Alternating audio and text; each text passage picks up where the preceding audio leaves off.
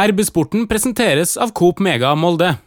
Så har vi rett og slett glemt å vaske dem, da, siden Tynset-kampen var det vel. Så det tar jo i utgangspunktet et enormt fokus, og vi trenere var, må liksom Jeg lukter ikke så ille, og det er jo bare fordel for oss at vi stinker, og det er jo ekkelt for ADM-spillerne å prøve å dysse litt ned, da, så gikk det nå heldigvis bra. Velkommen til en ny episode av RB-sporten, Romsdals Bustikkes podkast for fotball og idrett i Romsdal. Mitt navn er eh, Ole Bjørner eh, Lo Velde, og i dag skal vi snakke om eh, treff som sensasjonelt ligger i opprykksposisjon og kan klatre opp til det tredje øverste nivået i norsk fotball. Panelet i dag, Martin Brøste, sportsjournalist i Romsdals Bustikke, velkommen. God dag. Og når vi skal snakke om treff, så må vi sjølsagt ha med trener Petter Sjåholm Melø og lagkaptein Sivert Viken Beinseth. Velkommen. Takk, takk. Ja, vi må begynne med treff, kara. For det var en eh, ganske spennende fotballkamp som ble spilt på Reknes på mandag. Molde 2 var motstander. Det som kalles eh, mini-derby. Og eh, dere i treff lå under 2-0 når det var igjen ja, drøye 6, nei, 30 minutter å spille. Hva skjedde?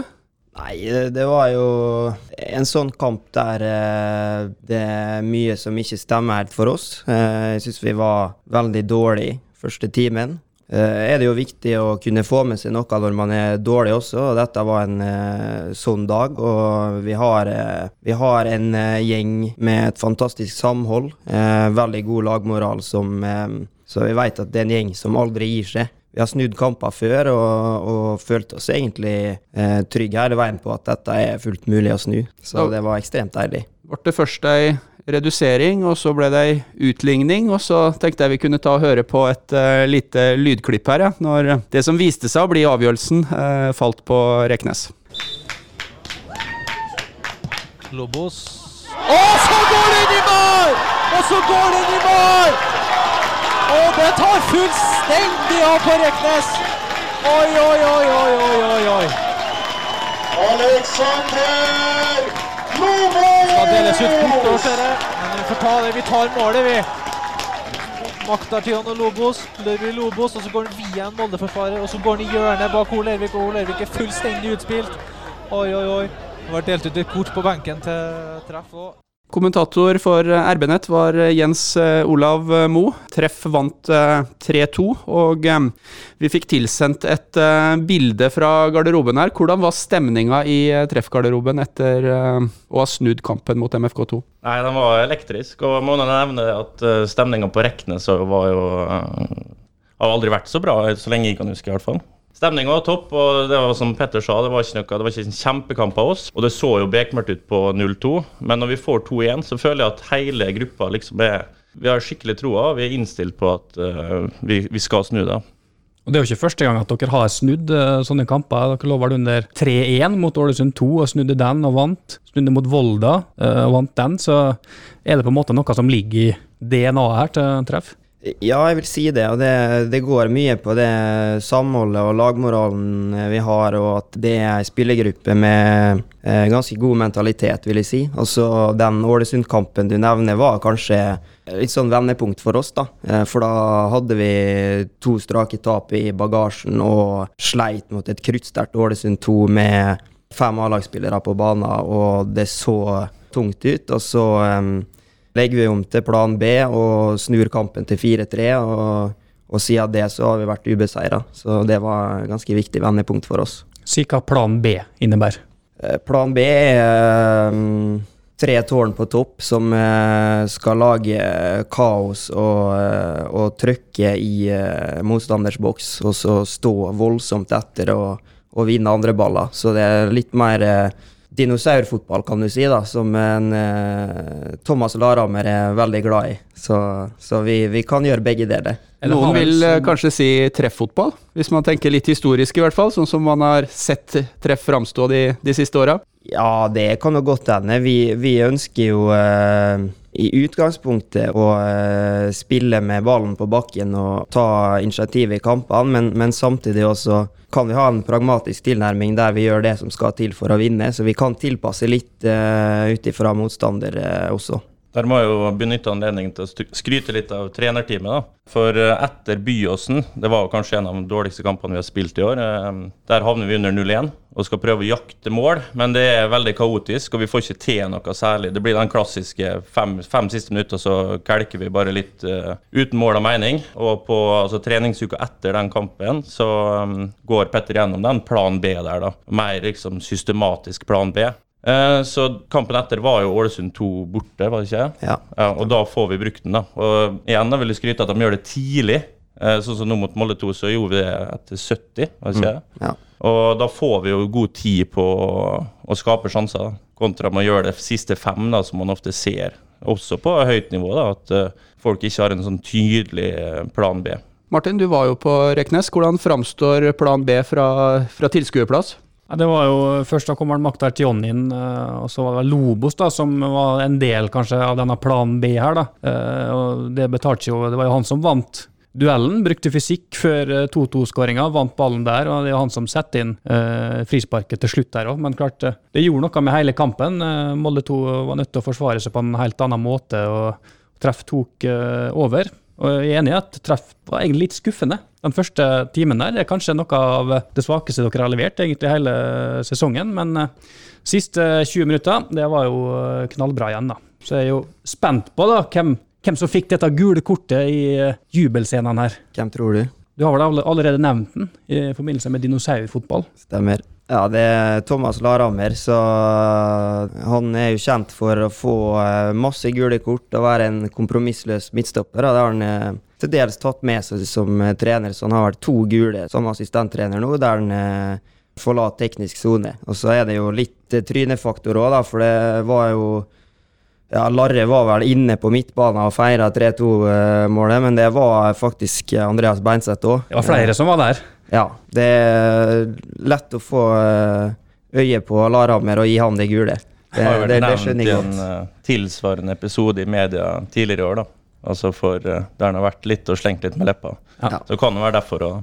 Teknisk sone på Reknes, det er noen sånne her, eh, markører som er satt opp rundt uh, innbytterboksen, er ikke det? Ja, det, det har vi funnet at det er jo ikke merka med kritt, så vi må, vi må bare sette opp kjegler sjøl, for ellers så går jeg i veien for linjemannen og klarer ikke å stå innafor. Dere nevnte et eh, nøkkelbytte her, og jeg må innrømme at eh, når jeg satt hjemme og så det her på min mobiltelefon, RB-nett sin overføring, så gikk mine tanker til eh, 2009. For eh, dette her var Maktar Tion, Class of 2009, har jeg skrevet i Oi. mine notater. Um, Jeg sa faktisk akkurat det samme til en i garderoben etter kampen.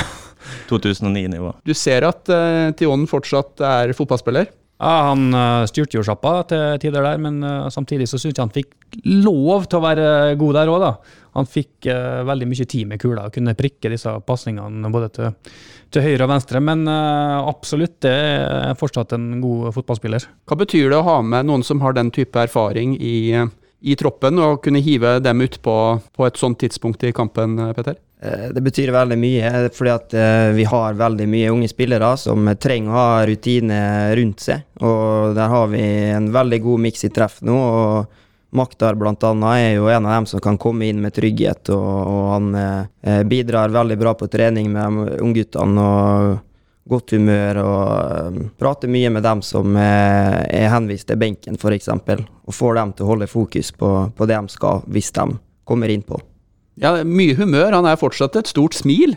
Ja, Det hadde vært noe annet hvis det hadde vært en sånn type som eh, ikke hadde hatt humør og bare vært der og trodd den var mye bedre. Men Maktar er veldig fin å ha på trening og bidrar eh, til mye fliring. Og, og som Petter sier, da, veldig flink med de unge og veileder dem. Og. Og så skal jeg si at han er veldig klar på sjøl, og at han, eh, han, han vil ikke komme og ta plassen til en unggutt som har vært eh, mer enn han på trening. Så han er veldig, veldig fin sånn sett. Denne gangen så sto det jo litt mer på spill for uh, treff, for nå er dere faktisk uh, opprykkskandidat og uh, kan rykke opp i, i Post Nord-ligaen. Har egentlig alt i deres hender. Vinner dere de to siste, så, så blir det opprykk. Men disse her lokaloppgjørene mot eh, MFK2, har dere inntrykk av at de betyr litt mer for dem i hvitt og grønt enn motsatt? Ja, altså det er jo veldig mange, altså meg sjøl inkludert, som har vært en del av Molde-systemet. Molde spilt på Molde 2. eh, og ja, når vi havner i treff, så er det jo et eh, bevis på at vi har blitt eh, avskrevet der. Og det gjelder jo flere spillere, så vi får jo en gratis motivasjon der. Og det merka jo på um, et par av våre spillere òg, at uh, det var kanskje for mye. Og altså, det var litt overtenning, da. For vi begynte å feire enkelte ing, Altså når de spilte ballen ut av linja, så var det som at uh, vi hadde skåret et mål hos enkelte av oss. Og Det var noe jeg vurderte å si fra i pausa om, for jeg, vet, jeg, har ikke helt fasit på det. Men jeg tror det ble litt for mye, da. Det ble litt for mye fokus på å sette ut dem sånn mentalt, at vi mista litt uh, fokus sjøl på vårt eget spill. da. Men da merka jeg jo at det ble jo litt for dem òg. Hver gang vi begynte å spille ballen ut av linja, så kom de med tilsvarende jubel. da. Så det var egentlig litt sånn merkelig spesielt i første omgang. Det var jævla merkelig eh, altså måten det ble eh, jubla på da, for å vinne et innkast og sånt der. Litt italiensk? Ja, det, ja, du kan jo si det. I år så um, er det jo enkel serie. Det betyr at um, det ikke skal spille hjemme og borte. Hvor viktig var det å få akkurat det her oppgjøret på Reknes? Hvordan tror du det er for disse MFK-spillerne som er ganske godt vant å komme opp på Reknes og, og skal spille kamp uh, mot dere der? Jeg veit ikke helt hvor mye det har å si. Altså, før terminlista kom, så håpte vi på å få eh, Molde 2 på Aker stadion fordi vi vil spille på en best mulig matte og en lang bortetur mindre. Men det kan godt hende det er en kjempefordel for oss å spille på Reknes og på et underlag som vi er mer vant til. Og det blir sånn som denne kampen her, når det var veldig mye folk som kom, og det var kjempestemning, og vi kjente at vi hadde mye tilskuere i ryggen. og Eh, det blir jo mer intimt på, på Reknes enn på Aker stadion, så det, det kan godt hende at det var noe som var med på å bikke det i vår favør. Jeg tror det er mye enklere for Molde å sende spillere på Aker og bruke A-spillere på Aker. Jeg hørte nå at Skjølstad hadde sagt i pause at han ville bare spille 60 minutter fordi at underlaget var sånn som det var. da. Og um, Det kanskje det høres eh, litt rart ut for at det er kunstgress på begge arenaene, men hvis du, tar, hvis du går og sammenligner, så er det stor forskjell. Ja, kunstgress er ikke kunstgress. Det er sånn at uh, på Reknes så har dere litt uh, fordelen av at dere veit hvordan ballen spretter. Ja, også, ja, det er spretten da, på Akeren så triller den. Det er liksom det som er forskjellen. altså, altså, På Reknes så kan du slå det som i utgangspunktet hadde vært ei ganske god uh, innsidepasning langs bakken, men den kan sprette likevel, for det er ujevnheter, og det er bane som må lappes sammen uh, veldig ofte. Og så må jeg jo nevne at vi vi prøvde å kjøre litt mind games på Molde i, uh, i, forkant, der vi la ut et uh, innlegg der vi skrev at det er Norges mest ujevne bane og garanti for, uh, for overtråkk, i håp om at de skulle være livredde for å sende ut på Fofana, blant annet. da. nå kom nå han, da, men vi prøvde oss i hvert fall på en liten en. Torgeir, du har Fofana i lomma, ropte du i første omgang der. Ja. Så det gikk jo bra mot han likevel? Ja, jeg syns jo det, men han Fikk jo nettkjenning til slutt, da. Men, eh, men eh, i en sånn kamp så må vi gjøre alt vi kan for å vinne, og eh, da er for faen en mann som har noen ferdigheter som tilsier at da må vi prøve å frustrere han litt. Det har jo vært eh, pandemi over hele eh, verden nå, men eh, og mange norske klubber har jo fått utfordringer knytta til den. Men vi skjønner det at i treff så har det vært litt andre sjukdomsutfordringer? Du har fått med deg det, ja. Ja, nei, det er jo ikke, er jo ikke um, korona vi har slitt med i treff, det er skabb. Det starta jo med at én eh, spiller fikk skabb. Eh, og da var jo det énmetersregel på trening og litt sånn, og da ble det jo mye haus, da. Eh, der jeg sier liksom ja, hold én meters avstand til hverandre, men fem meter til han. Og så eh, var det jo bare flere og flere som fikk skabb, bl.a. et eh, kollektiv der, der det bor flere spillere i treff, eh, som eh, smitta hverandre med skabb. og ja, det var vel en periode på flere måneder der vi, vi har en uh, fryser i utstyrsrommet vårt, der uh, spillere da kommer og tar med seg klær som de legger i fryseren for å fryse ned klær for å drepe skabben. da skal være såpass ærlig å si at de har uh, faktisk uh, hatt eh, skabb sjøl i den perioden her. Og det som var litt vittig, hvis, hvis, folk husker det klippet da vi hadde besøk av TV 2, da det var et innslag på den Haaland-kommentaren til Larhammer, så Larre, han han liker jo best å ha en glattbarbert, glinsende skalle. Men når TV 2 kom på besøk, så hadde han ikke fiksa det, da, så da hadde han, da hadde han krans. da. Så da var han klar på at han måtte låne capsen min. Eh, og eh, det er jo sånn at skabb eh, smitter jo gjennom fysisk kontakt eller eh, bruk av, eh, av andres klær, da. Så jeg fikk jo påvist skabb sånn ei ukes tid etter han hadde lånt capsen min, så da var jo han livredd for at han skulle få det, han òg, men jeg tror han, han kom unna, da. Så Pass på det, han, capsen som ligger der nå. det er litt vittig. Ja, det er faktisk den her. Den Hvordan blir man, den som, hvordan blir man som spiller prega av, av skabb? Uh, nei, jeg har ikke hatt det som spiller, da, men det er jo klart at det, det klør jo noe inn i gampen. nei, det, det er noe jeg ikke unner min verste fiende engang. Det er jo ikke farlig, men det, men det er ubehagelig.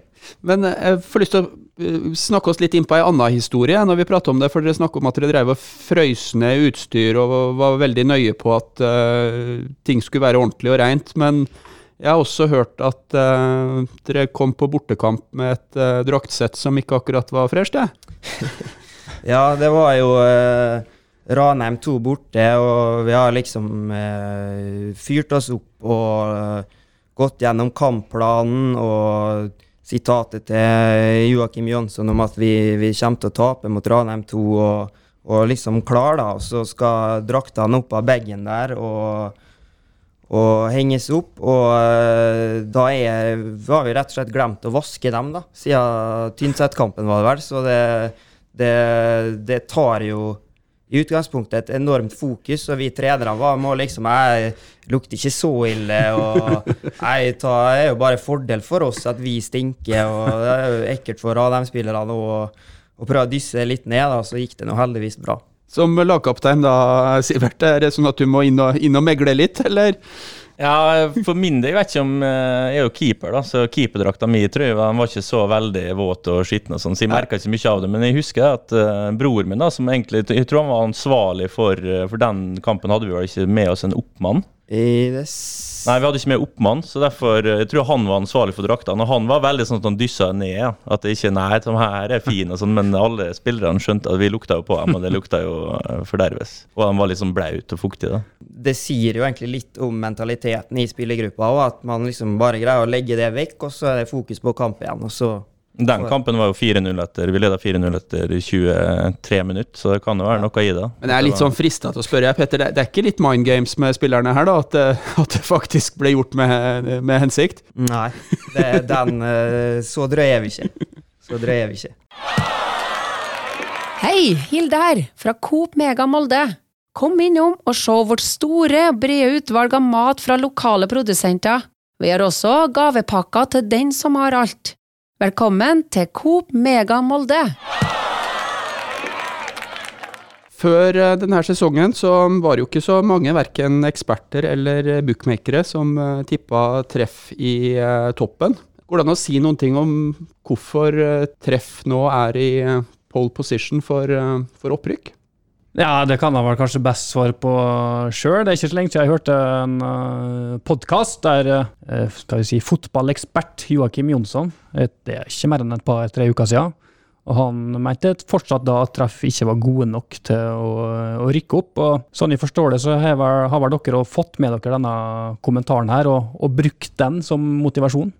Eh, ja, det var vel en podkast for eh, tre-fire uker siden der de gikk gjennom alle avdelingene i Norsk Tippeligaen, og eh, på det tidspunktet, som det fortsatt er, da, et sånt eh, three horse race mellom eh, Treff, Strindheim og Spjelkavik. Da fikk de spørsmål om eh, de trodde Treff kan rykke opp. Da svarte vel Jønsson at det har, tror han ikke Treff har toppnivå til, og at Treff kommer til å tape mot Ranheim 2 og Molde 2, som er to litt sånn marerittmotstandere, for de ligger eh, og kjemper om å overleve og kan hive inn eh, masse A-lagsspillere. Så vi blir ikke fornærma av, eh, av det utsagnet, eh, men vi bruker det som motivasjon i garderoben før, eh, før Ranheim 2 der. Det ble seks poeng mot de to motstanderne. Ja, og Ålesund 2 òg. Så det har, Treff har litt tradisjon for det at uh, sjøl om vi møter toerlag som kommer med en del A-lagsspillere, så, så uh, bretter vi opp ermene og så tar vi den utfordringa i stedet for å sutre. Hvis vi spoler enda litt lenger tilbake til før uh, Jonsson kom med det her tipset. Trodde dere sjøl, når denne sesongen starta, at uh, dere skulle være i denne situasjonen? At dere kunne rykke opp til Post Nord? Har dere snakka ting om opprykk på en måte underveis i, i gruppa? Nei, men vi vel eh, Vi hadde vel et møte. Vi har jo ofte et møte før sesongen og sånn, og prater litt om målsetting målsetning og ambisjon. Og de fleste av oss var vel eh, innstilt på at det var nå pga. koronaen så var det ekstra spesielt, men det er ofte veldig vanskelig å tippe tredjedivisjon. Alle gangene jeg har spilt den nye tredjedivisjonen, så har det vært ekstremt jevnt. Um, jeg tror det var et år at vi spilte den siste kampen, uh, og vi vingla liksom fra tiende til tredjeplass i løpet av kampen. da. Og Det var siste seriekamp, og det var full serie. Så um, vi var vel innstilt på at um, det blir veldig jevnt. og vi har vel ikke Vi satt vel vi har vel ikke satt et konkret mål om opprykk, og, men altså, etter de to første seriekampene så skjønte vi at uh, vi var på god vei, men så tapte vi to da, mot uh, Spjelkavik og Byåsen. En veldig dårlig periode for oss. og da må jeg innrømme, og det savner nesten rett ut, at nå er opprykket over. Men så har vi vært veldig heldige da, med de andre resultatene. At uh, Spjelkavik har avgitt poeng, og um, etter hvert da Strindheim. Da, de kom jo litt sånn, de starta jo dårlig, men har etter hvert kommet seg. da. Så det var noe mm, litt sånn etter hvert så har vi nå skjønt nå at det, det, kan være mulig. Og mer eller mindre midt oppi dette her så kom også nyheten om at uh, Petter skal til Vålerenga og har en annen trenerjobb å gå til uh, når uh, denne sesongen er, er ferdig. Jeg har lyst til å spørre litt sånn åpent først. Er det, noe, er det noe mulighet til å angre seg, eller? Jeg håper det er en klausul i den kontrakten. da, Hvis det er opprykk, så rives den, den Vålerenga-dealen i to. Håper jo vi spiller i hvert fall.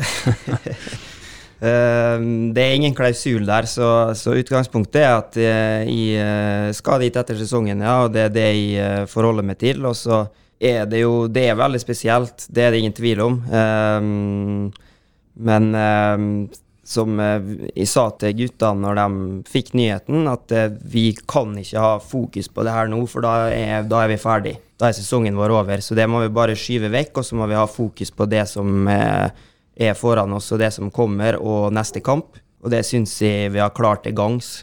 Så det er litt sånn eh, som, i hvert fall for meg som eh, trener, så går du litt inn i bobla, og du blir så sykelig opptatt av å vinne den neste kampen at de har jo egentlig nesten glemt det, at de skal eh, bytte jobb etter sesongen. Så det eneste jeg har fokus på, er å vinne fotballkamper med treff, og så Dere har vel på mange måter motbevist en av mytene i fotball, nemlig at eh, et lag ikke spiller for en, en, trener på utgående kontrakt, for eh, det har vel knapt vært poengtap etter at dette her ble kjent?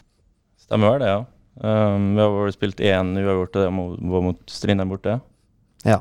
Nei, altså alle, alle, vi spillere skjønner det at uh, det her er en mulighet som Petter bare må ta. Altså, vi er såpass uh, Vi erkjenner jo at vi er på det nivået vi er, og selvfølgelig skulle vi ønske at han ble med videre, men uh, alle har forståelse da, og unna Petter godt videre ta, det er sikkert litt tidlig og føles litt rart å begynne å prate om, men jeg har lyst til å utfordre litt på hva vil det bety for uh, fotballbyen Molde hvis uh, treff uh, rykker opp? Og nå så er det jo det er Eliteserien, og så er det Obos, og så er det to avdelinger i Post Nord, så man er jo da i utgangspunktet blant Norges 60 beste fotballag. Og Det er jo et bra sted å være for sportsklubben Treff, tenker jeg da. Ja, eh, Treff har jo vært i andrevisjon før, men det som du sier, det er noe annet, helt annet enn Post Nord, det systemet som er nå, enn det det var for hvor mange år siden? Seks-sju år siden, da det var fire avdelinger. Så det er ikke tvil om at egentlig uansett hvem det blir nå som rykker opp fra vår avdeling, så blir det beintøft uh, i Post Nord. man må ikke tro at det bare er å møte opp der og Altså det blir enda tøff, altså det er jo tøft allerede nå. Altså Hver kamp er jo en krig i tredjedivisjon. Så Post Nord det, det, er jo toppfotball. De har jo hatt i tillegg de har jo rulla på som normalt under koronaen.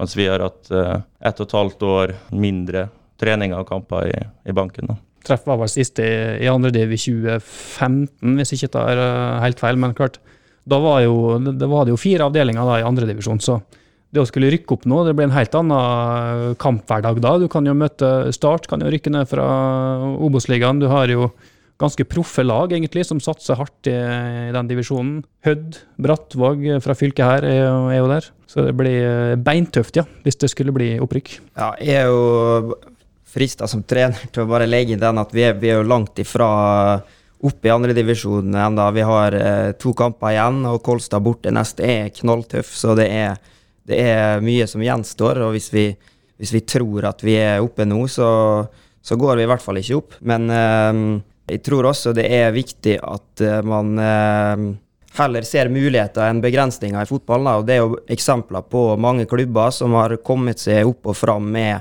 eh, mindre ressurser enn dem man eh, konkurrerer mot. Så det, er der det ligger for treff. Vi er litt sånn hva skal jeg si, arbeiderklasseklubb som eh, Vi har ikke all verden med penger og fasiliteter, men vi må gjøre det beste ut fra de ressursene vi har, og, og stå på. og Så må vi se hvor langt det tar oss.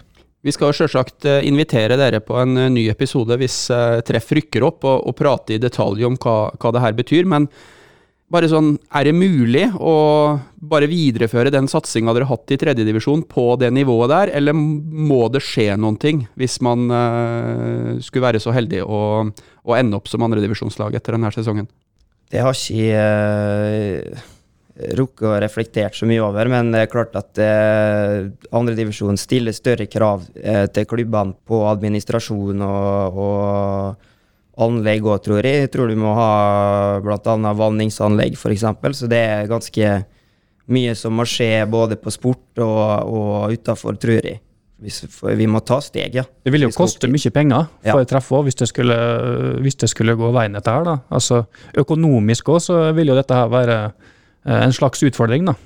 Definitivt. Så det må mer penger inn. Så da får vi håpe at uh, vi får god uttelling på sponsormarkedet hvis det skjer. Martin, hva vil dette bety for uh, fotballen i, i Romsdal? At uh, man har en eliteklubb, Molde fotballklubb, og så har man en toppfotballklubb i, i treff på, på nivå tre, da, hvis et sånt opprykk skulle skje? Nå har det jo vært et gap da, mellom det som har vært uh, kanskje Norges beste lag, uh, MFK, så ned til Treff og Molde 2. På Sunnmøre så har det jo to lag da, som er, som er i, i andredivisjon. Hvis eh, Treff skulle gå opp, så kan jo det være en fordel for Molde fotballklubb òg. Kanskje de kan eh, låne ut noen eh, spillere som kan få kamperfaring da, fra andredivisjon. Vi vet jo det at det er stor forskjell på andre- og tredjedivisjon. Det, det å kunne gi disse ungguttene spilletid i andredivisjon, det vil jo være, være gull, selvfølgelig. Men vi får nå se, da. Det er jo disse to kampene igjen. Kolstad først her. Det er ikke enkelt, det.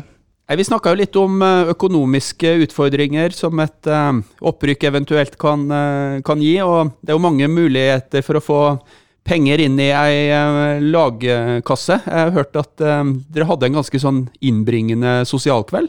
Ja, jeg er jo da, i tillegg til å være kaptein, så er jeg bodsjef, og må jo ta den rolla som Det er ganske Du får jo inn mye klager og sånn, men det du må bare stå i det og være knallhard. Eh, Og vi har nok krevd inn eh, en god del penger i løpet av året. Men Ja. bare kort før vi går videre, hva er man få bot for i, i treff? eh? Nei, altså Det er jo ei lang liste over uh, veldig mange forskjellige ting, og den lista er vanskelig å tolke, og den skal være vanskelig å tolke. sånn at uh, du, Det er fort gjort å glemme ting. da. For så har vi ei bot som kalles uh, kostymetirsdag. og Det er da at du må ha et kostyme nest siste tirsdag i måneden. Og det er liksom det, det er lett å glemme det. Ja, det skjønner jeg, men har du, har du et eksempel? Hva, hva er det folk dukker opp med i nest siste tirsdagen i, i måneden? Nei, det er mye, veldig mye svake ting. da. Altså Folk tror at de kan slippe unna med å ha på seg lue, f.eks. Uh, så vi har vært, eh, vært litt dårlige der, vil jeg si. Så mange har veldig mye å gå på. Hvem er det som bidrar mest i den kassa her? Mest i den kassa her er mange altså nye gutter. Folkehøyskolegutter har vært eh, veldig fin der. Stian Rødahl er jo alltid eh, en som bidrar mye. Torgeir Janbu eh, bidrar mye. I sjøl har nå en del. Men uh, den her uh, sosiale kvelden, den ga bra med penger i den her uh, kassa, og, og heldigvis på en ganske artig måte. Ja, eh, det var jo en eh, Champions League-kveld her, da. Og da gikk det seks eh, kamper som starta klokka ni. Så etter trening da, så hadde vi pizza og kos, og så delte vi inn i grupper. Seks forskjellige grupper. Der hver gruppe fikk hver sin kamp da, utdelt og måtte finne et spill fra hver kamp. Og det var den dagen Ronaldo skårte i det 94. minutt. Og det var ei gruppe som selvfølgelig hadde Ronaldo Moore da, som et av sitt uh, spill. Og da var jo altså, I det 85. minutt da, så mangla vi tre spill. Og fikk vi det første spillet inn i det 89., det andre i det 94., og det tredje var vel sånn uh, 96. eller noe sånt. Så da ble vi Botkassa ble 10 000 kroner rikere. da. Så det, det hjelper jo på, selvfølgelig. Det høres jo klassisk treff ut, det her, da. Utfordrerposisjon fem minutter før slutt, og så ramler alt inn. Ja, Følelsen etter det var når folk sto og jubla, var som, var som jubelscenen etter Ålesund og Molde 2, egentlig. Det var eh, litt det uvirkelig. Si. Mm. Det ble gult kort på Laramer da òg. Ja, ja, han var Hans sitt uh, Ja. Hei, Hilde her, fra Coop Mega Molde. Og at Coop Mega Molde finner du alt du trenger til både hverdag og fest. Kom og la deg friste av den lengste ferskvaredisken i Romsdal. Du finner også et stort og bredt utvalg mat fra lokale produsenter. Velkommen til Coop Mega Molde. Tenkte vi måtte snakke litt om uh, fotballhistorien til uh, disse to uh, gjestene vi har også. Sivert har så vidt vært innom det, at han har en fortid i MFK-systemet. Han Og rival. Og rival, ikke minst. Ja, det må vi ta med. Martin jo- Spilte jo sammen i rival. Martin var jo et stort talent, men han valgte håndball. Nå er vi vel i, for, i, i den avdelinga som vi nesten må kutte vekk, Martin? eller? Nei, dette her kan vi godt uh, Det blir introen. Ja, Det er bra. Det er godt å høre. Uh, jeg tenkte vi skulle snakke oss inn på den her um, next gen-generasjonen. Ja, for uh, du, Sivert, var jo keeper på det her MFK-laget som fikk ut i Europa møte sterk motstand i den her forløperen til det som nå har blitt Champions League for ungdomslag. Kan du ta oss gjennom noen av dine høydepunkt som, som fotballspiller i MFK-systemet? Ja, det er jo vanskelig kommuner da vi fikk eh, spille på Anfield. da. Vi møtte jo Liverpool over to kamper, både hjemme og borte. Og det var jo utvilsomt eh, Eller hele next gen-opplegget. Det var noe litt absurd at vi i hele tatt uh, havna her. Jeg tror nok det at det var Ole Gunnar og Richard Hartis som hadde mer eller mindre snakka oss inn da, i den uh, turneringa her. Men det var noe veldig proft opplegg. veldig sånn, Vi, fikk, vi ble behandla som eh, toppklubber når vi kom. altså Kjørte buss med eh, eskorte, politieskorte foran. og Skikkelig opplegg. Men eh, utvilsomt, de to mot Liverpool, i hvert fall når du ser på spillerne som eh, du spilte mot. da. Stirling, eksempel. Han Conor Cody, han eh, eh, Wolverhampton-kaptein. Så eh, vanskelig å komme unna dem. Vi spilte mot Sporting, Chelsea, Ajax og da, men Liverpool var nok, uh, sjøl jeg som United-fans må nok trekke fram det som eh, høydepunkt, ja. Det er noen klipp der som er litt uh, synd vi ikke har dem her, for det er jo noen av dem som er litt, må være litt artig å se på også. Du har, uh, har noen gode redninger mot uh, Raheem Stirling, blant annet. ja. Ser, eh, hvis det går dårlig i perioder, så tar jeg frem de klippene og, og ser litt på dem, ja. Men det er jo ikke så lenge siden du var inne i MFK-systemet. Det er jo bare et par uker siden. Ja, stemmer. det. Eh, Det var litt artig. Han eh, var på vei inn i forelesning bort på eh, høyskolen her, så ringer telefonen. Jeg er litt, sånn, litt i tvil om vi skal ta han eller ikke. Så er det noen Per Magne Misund da, som ringer og sier at det er krise på keepersida i MFK. Linde er sjuk og flere på landslagssamling osv. Så, videre. så han spør om jeg er villig til å steppe inn. da. Det var onsdag og torsdag for, to uker siden, tror jeg. Så sa han at jeg måtte ringe trenerne mine og spørre. Så ringte Petter, da, men jeg tror han mistenker at han lå og sov, kanskje. Så jeg måtte ringe, ringe bror min og spørre om eh, det var greit, og det var selvfølgelig, selvfølgelig greit. Så det var veldig artig å få være med der. Ble tatt godt imot og fikk mye skryt, faktisk. Så um, det var to um, innholdsrike dager, det. Litt tungt, da. Jeg ble jo pådro meg en liten uh, skade uka etterpå. Jeg tror det var overbelastning. Så jeg er ikke vant til å trene så mye og så hardt. da. Er det sånn at du da i noen sekunder eller minutter går og grubler på om du virkelig hadde hatt lyst til å, til å satse enda mer på fotball enn det du, du gjør i treff? Ja, så det kommer jo sånne påminnere i ny og ne. Nå har jeg noen kompiser som, er, som spiller i Molde, og som har spilt i Molde, som òg er veldig flinke til å minne, minne på at de kunne vært f.eks. en sånn andre-tredje keeperrolle. Og Det gjør de kanskje bare for å gni det litt inn. da. Sånne ting så det der, eh, det vekker jo litt sånne, sånne type følelser. Det gjør det. Skal innrømme det. Ja, mellom eh, MFK og eh, Treff så var du en periode i Trondheim, og da spilte du under en av norsk fotballs aller største angrepsspillere. Du var i Trygg Lade og ble trent av Steffen Iversen. Hvordan var det? Ja, en helt fantastisk fyr. Han var jo ikke, altså, Det må man bare si med en gang, han var ikke noen sånn fotballtrener. Det kommer aldri til å bli noen fotballtrener, men uh, å bygge lag og kultur, det var, det var han helt rå på. Og en figur da, som var Du, bare, du følte du kjente han eh, etter første dag. Han behandla liksom alle likt, og han visste liksom akkurat hvilke knapper han skulle trykke på for å løse opp stemninga. En veldig, veldig fin fyr. Det var en eh, cupopplevelse på Lerkendal hvor Iversen, hvis jeg husker rett, eh, hadde på seg dress, og eh, Trygg Lade skulle spille NM-cup mot Rosenborg på, på Lerkendal? Ja, det var ikke Lerkendal, det var vår hjemmebane. Var det det, ja? ja. Jeg beklager. Men, ja, vi, holdt, vi leda jo faktisk 2-1 til pause, mener jeg på. ja. Men det rakna litt. De bytta inn han eh, Søderlund og Birger Meling, tror jeg. Og da rakna det. Og det var jo fjerde, vi spilte jo fjerdedivisjon, så det var jo litt absurd at vi leda, leda 2-1 der. Du gjorde vel noe litt artig i pausa der? Ja, jeg tok en snap i pausa. Spørs om vi burde gjort det. Eller. Men eh, vi hadde jo ikke noe garderobe eller noe sånt så på den banen. Det var jo Rosenborg-spillerne måtte nå sitte i ring husker jeg, sånn ute på benken, sånn som vi gjorde når vi var knøttespillere. Så det var liksom sånn hva vi skal gjøre i pausa. Måtte nå liksom gå rundt og prate med folk, og folk sånn på mobilen. og ja. Så det var litt sånn merkelig, merkelig opplegg. Det er jo artige historier, eh, med fare for å legge litt eh, press på deg nå, eh, Petter. Hva betyr det å ha en, eh, en keeper som har denne erfaringa som, eh, som Sivert har, for et eh, tredjedivisjonslag som, som treff?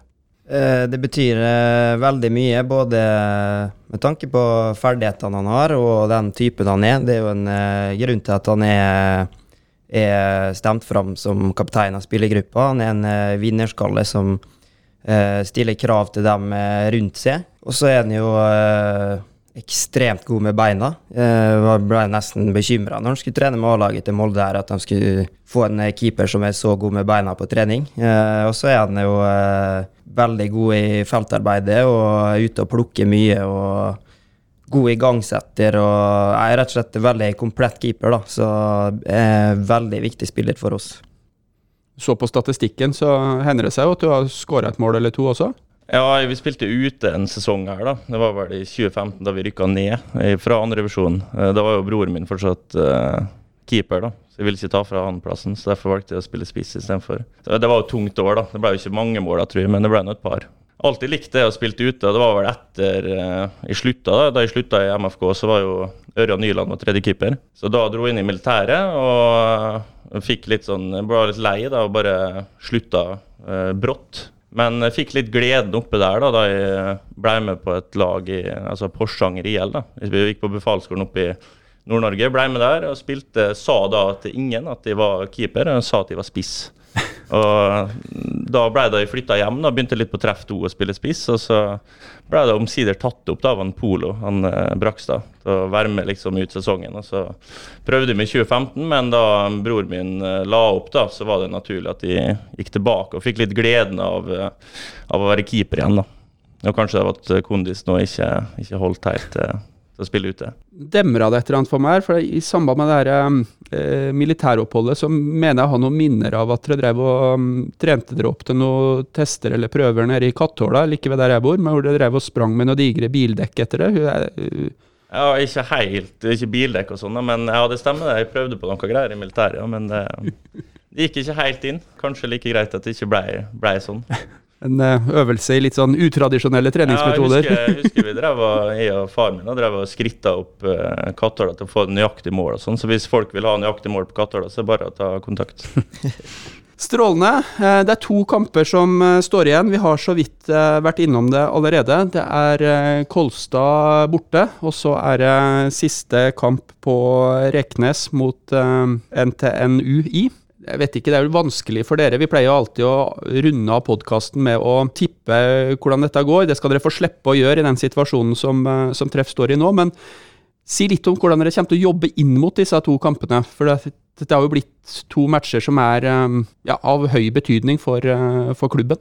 Nei, altså Jeg tror jo at eh, det blir bare tull å liksom prate ned betydningen av kampen og si at eh, dette er en vanlig kamp, og ikke gjøre det noe større enn det det er. Altså, for oss er det en stor anledning, og, og gode spillere og gode lag stepper opp når eh, anledninga blir stor. Så da må vi ha riktig mentalitet for å, for å vinne de kampene og uh, mobilisere nok. Og er vi, er vi gode nok, så tar vi det. Det er litt den holdninga vi har hatt til nå, og det har gått bra til nå. Og så må vi, uh, må vi bare fortsette med det og være ydmyk og eh, jobbe hardt. Det er jo sånn at det er ingen, ingen trær som vokser inne i himmelen, så før eller seinere så kommer dette laget her til å tape en kamp òg. Uh, men vi må gjøre alt vi kan for at det ikke skjer, eh, skjer eh, før neste år. Sivert, kjenner man på litt av den samme spenninga som du hadde i spillebussen på vei inn til Anfield, når dere skal rulle inn til Kolstad og spille mot dem til, til helga? Ja, jeg kjente jo litt òg nå på mandag, litt spesielt siden det var en um, kveldskamp og det var Molde 2, da. Men tidligere på dagen så hadde jo, og tidligere i helga så hadde jo Strindheim uh, spilt uavgjort og Spjelkavik uh, tapt. Så da kjente man jo litt ekstra på at uh, Og kanskje det var derfor at vi var litt prega i særlig de første 60 minutter.